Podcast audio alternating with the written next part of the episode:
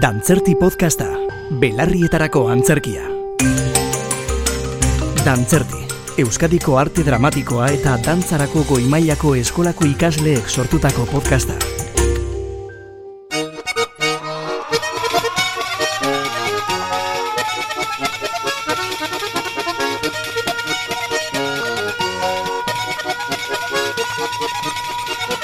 Arratxaldeon entzule politori.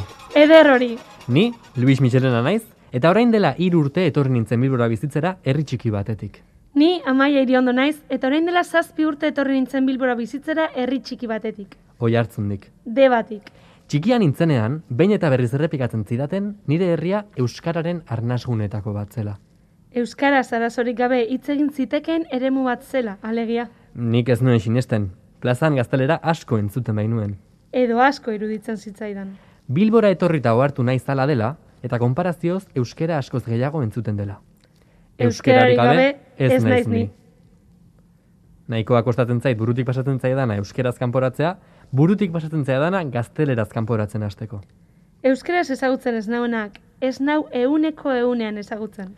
Arazoa da, askotan gazteleraz hitz egiten hasteko ohitura dudala, ingurukoak zuzenean gaztelerara igarotzen direlako.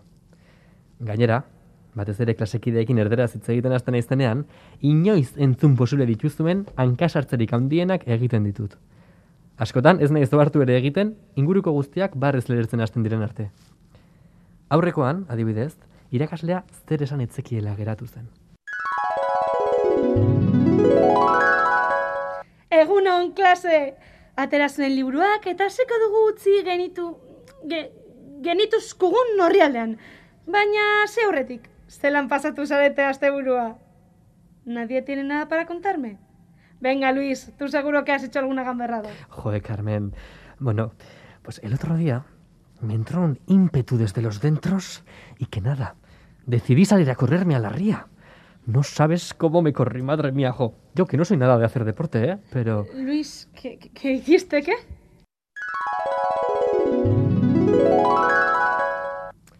Beste batean, akrobaziako klasean ginela, ondorengoa pasazitzaidan.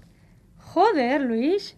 En sí, tú te pones a meter horas en el gimnasio y te saldría buena espalda, ¿eh? A mí, ¿qué dices? ¿En serio? Que sí, que sí, que la tienes muy fibrada. Pff, qué va, cállate, cállate. Yo creo que, que serán contracciones. Serán contracturas. Nire gelakideek zerrenda bat egin didate esaten ditudan astakeria guztiekin. Tortilla de pincho, Pinche tortilla esan beharrean. tráfico de accidente, Accidente de tráfico esan beharrean. para que vayan haciendo migrañas, Para que vayan haciendo migas esan beharrean. voy a correrme. Voy a correr esan beharrean. Mi prima es ornitorrinca. Mi prima es otorrina esan beharrean. Eta bar. Nere kasuan, beti dut ondoan ahots bat euskeratik gaztelerara egiten ditudan itzulpen literalak zuzentzen dizkidana. Aurreko batean, atxeden aldian, komunea joateko gogoa sartu zitzaidan. Eta badakizue, trolek komunean bakarrik zaudenean soilik erasotzen dutenez, lagun bati laguntzeko eskatzea bururatu zitzaidan. Jose, ¿te importaría ayudarme al baño? Que no me apetece ir sola. ¿Cómo, cómo? que si me ayudas al baño, que no quiero ir sola. Amaya, ¿para qué necesitas ayuda? ¿Estás bien? S- Sí, que- es que no, no quiero ir sola. Ah, hija, pues será... De, o sea, querrías decir acompañar, me imagino. Ba bai, lagundu hitza literalki itzultzen dut gaztelerara. Akompainar esan beharrean, ayudar esaten dut. Eta zer? Beste batean, esasko bikoitza erabili nuen. Badakizue, euskeraz inoizekin beti esaskoa doa. Adibidez, inoiz ez du- ez dut hau egin. Mm, Batira, gazteleraz ez da nunca no he hecho erabiltzen. Eta noski, beti agertzen da nire ondoko ahotsa eder hori. En castellano no existe la doble negación. Esan ez. Jusaitez porkulo hartzea. Hitz egin zuk euskeraz, eh? Haseko naiz ni zuzentzen? Politxa da. Polilla da gaztelera zaizkitze egitea. Eta oraindik politxagoa ingurukoek umore sartzen dutenean. Polilla da. Gezurra, ez da politxa. Polilla izan beharko luke? Politxa izan beharko luke baino ez da. Gazteleraz gaizki hitz egita erredikulizatu egiten da. Euskeraz gaizki hitz egitea, ordea, normalizatu egiten da. Oraindik zapalkuntza bat pairatzen du euskerak. Eta honek pena ematen dit. Pena eta pereza. Euskal Unibertsitate Publiko batean euskararen erabilera bultzatzeak ezinbesteko izan beharko luke. Ni behartuta nago ikasgai teoriko batzuk gazteleraz egitera, baina inor ez dago behartuta ikasgai teorikoak euskeraz jasotzera. Berriro ere, gaztelera garaie. Gaztelera zapaltzaile. Gaztelania jakitea exigitzen da. Euskara jakitea aholkatu egiten da, besterik ez. Noiz aldatuko da hau? My darling, so good, so good, so good. Luis, arazo bat dakat. Krisi identitario batean nago. Amaia, nortasun krisi baten aurrean esan nahiko duzu. Bueno, bai, Luis, nortasun krisi baten aurrean nago. Aber, Amaia, kontatu. Ez dakit nola iraindu euskeraz. E- ez naiz gustura geratzen, ez ait ahoa betetzen gaztelaz bezala. Ezin dut gustura iraindu. Amaia, hori normala da. Euskerak ez du bira horik. Errespetu handikoa gara. Euskaldunok ongi hitz egiten dugulako, ez dago bira horik euskeraz. Luis, Zer? ez. Bueno, bale. Lenguan euskarazko irainen zerrenda bat egiten hasi nintzen. Ta ez dakit oso pijoa iruditzen zaitana. Ze ona, aber, aber, irakurri zerrenda? Etxo. Ergela. Emegaldua. Tuntuna. Txoriburua. Taia? Ez que ikusten! Oso pijoa da dana. Aber, Amaia, normala nortasun krisi bat edukitzea. Irainkaka horiek aukeratzen badituzu, ba, Eta zer egingo dut orduan. aber, zer da, idazten ari zaren gidoi baterako? Ez, Luis? Bizitza normalerako da? Imaginatu, hm? Egun euritxu batean kaletik zoaz. Eta bat batean, kotxe bat ondotik pasatzen da eta bust egiten zaitu. Eta zer esaten diozu? Tuntuna! Ez! Ez zara lasai geratzen! E- Eta gainera, irainon bat bururatzen zaizunerako kotxea joan da eta tonto orpegeakin geratzen zara. Aber, zer, eta zergatik ez dugu gehitzen, zure zerrenda hori irain gehiago? Ai, bai mesedez, Aber, venga, hasi batekin. txolina. Ez que kutria da, Luis, kutria. Amaia, amaia iso. A ber, astak irtena. Luis? Amaia zerrendarekin ari garela, mesedez. Ai, bai. Um, mozoloa, Txotxoloa, inusentea, zakila, alua, nazkagarria, ustela, madarikatua, lerdena, mukitsua. zankarra.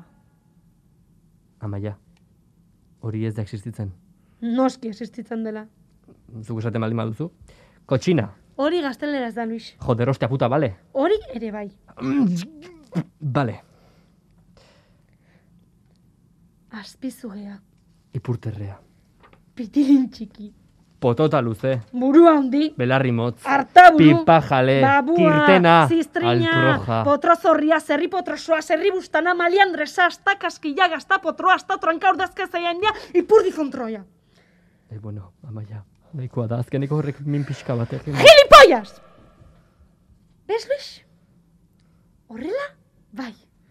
Horrela bai gelditzen eizela gustura. Amaia, min egin titaztu. Ai, Luis. Barkatu. E Etzan nire asmoa.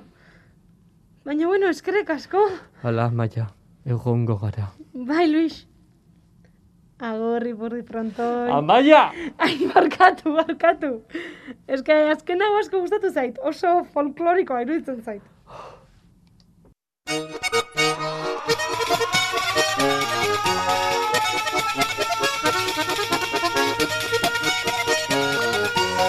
Amaia, zurekin hitz egin beharra dut. Luis, maitia zer gertatzen da? Eske, ez dakit nola esan. Utzegin nahi neuzu ez? Hori da. Ez, ez, ez, ez, amaia egitan. Delikatuagoa da.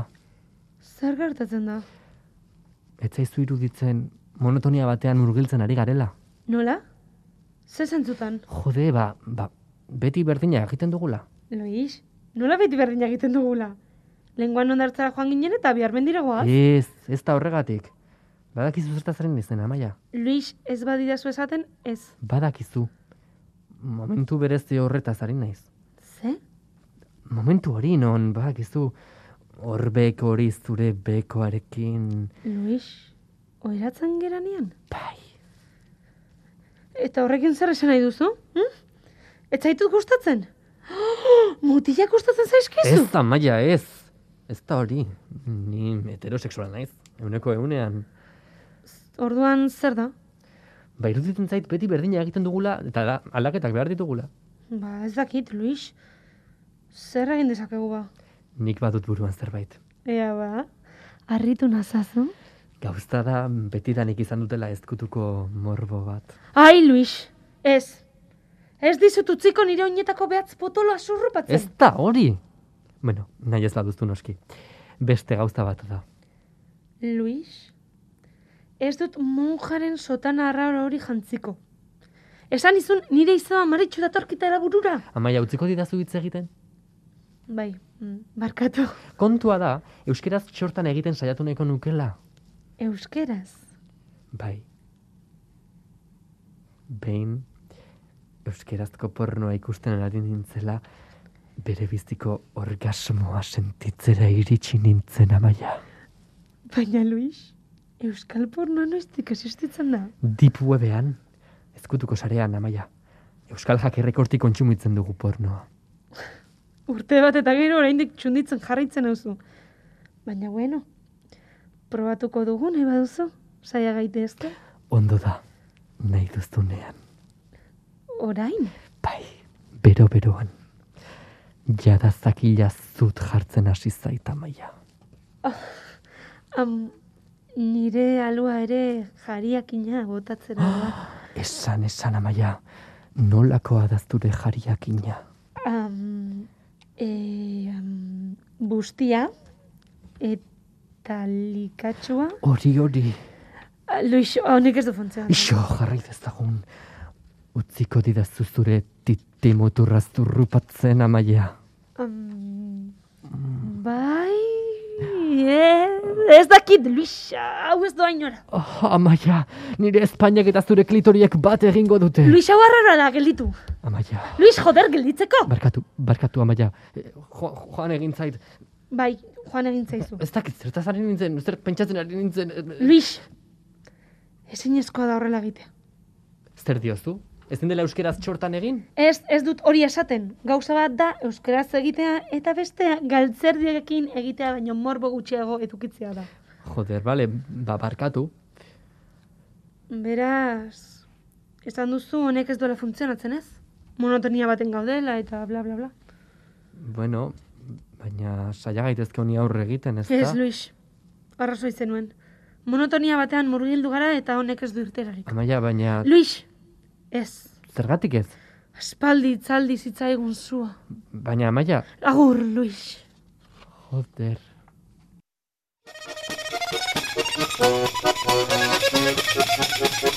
My darling, so quick, quick, quick. Luis, ez ez.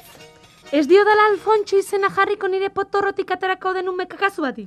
Baina, nire itunaren ametsa zen. Luis, berdin zait zure aitonaren ametsa zein zen. Ez dut nahi nire umeari laro urteko gizon baten izena jarri.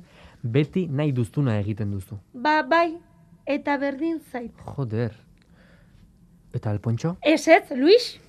Nire umeak izen euskaldun bat izango du. Asko simbologia politagoa daukate, eta ez datoz santu batzuekin. Bitxu, iargi, amaia, maite, eki, Gorot, Simau, Raketza... dolores, martirio, angustia, abelarda. Bueno, bale, bai, listo, ulertu dut mezua. Ez que, Luis, nik, nik izen euskaldun bat izatea nahi dut. Baina aldi berean, eksotikoa. Nola exotikoa. Bai, adibidez, euria, ostadar, izarruxo... Maiztea, da, kazkabar, no te fastidie, venga, hombre. Aiztea azpergarria zaren. Gauza bat egingo dugu. Ados hartzen ez garenez, txampona botako dugu. Alpontxo edo euri. Nola txampona bota. Justuena da. Jolastu nahi duzu beraz, eh? Bota ba. Zu gurutzea eta ni aurpegia. Aurpegia bai, zuk bai, eta galanta gainera. Ze? Ezer, botat? Beraz, tratua? Hitz ematen duzu esandakoa beteko duzula? Bai, etz, bota. Gero ez etorri esaten... Luis! Iso eta bota. Aurpegi atera da!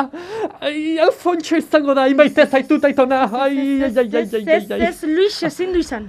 Sentitzen dut, baino ez. Amaia hitz eman duzu, eh? Ezin dizkiogu gutxi ez bi izena jarri. Alfontxo Eudi edo... Amaia, ez esan txorakeriarik. Bar, egingo diote izen horrekin. Zuri bai egiten dizuela jendeak barre. Amaia, Luis? ez jarri horrela? Luis, joder, benetan, horretarako nahiago dutu behar ipurdi frontoi izena jarri. Ze? Ipurdi frontoi. Aizu, ba... Gustatzen zait, eh? Ipurdi frontoi. Luis, Bai. brometan hain nintzen. Jo, baina, badu toke exotiko bat. Ba, bai, bai. Hmm? Eta badu toke folklorikoa ere. Mhm. Ederto, ba... Ipurdi frontoi izango da orduan. Oh, oh, Luis, A- ama- Luis, lagundu idazu. a- a- Amaia, zer gertatzen da, Amaia? Badator, Ez- badator. Zer dituzu kontrakturak? eh? Contracciones, Luis, Ay, contracciones. bai. Ay, Luis, que yo nunca no he hecho esto. Ay, la la saya, Maya, que yo nunca he hecho esa tenda. Vaya, vaya, Maya, vaya. Eh, Vamos, vamos corriéndonos al hospital. Venga. Corriendo, Luis, corriendo. Ay, guazen corriendo. azkar. Guazen, guazen, hospitalera.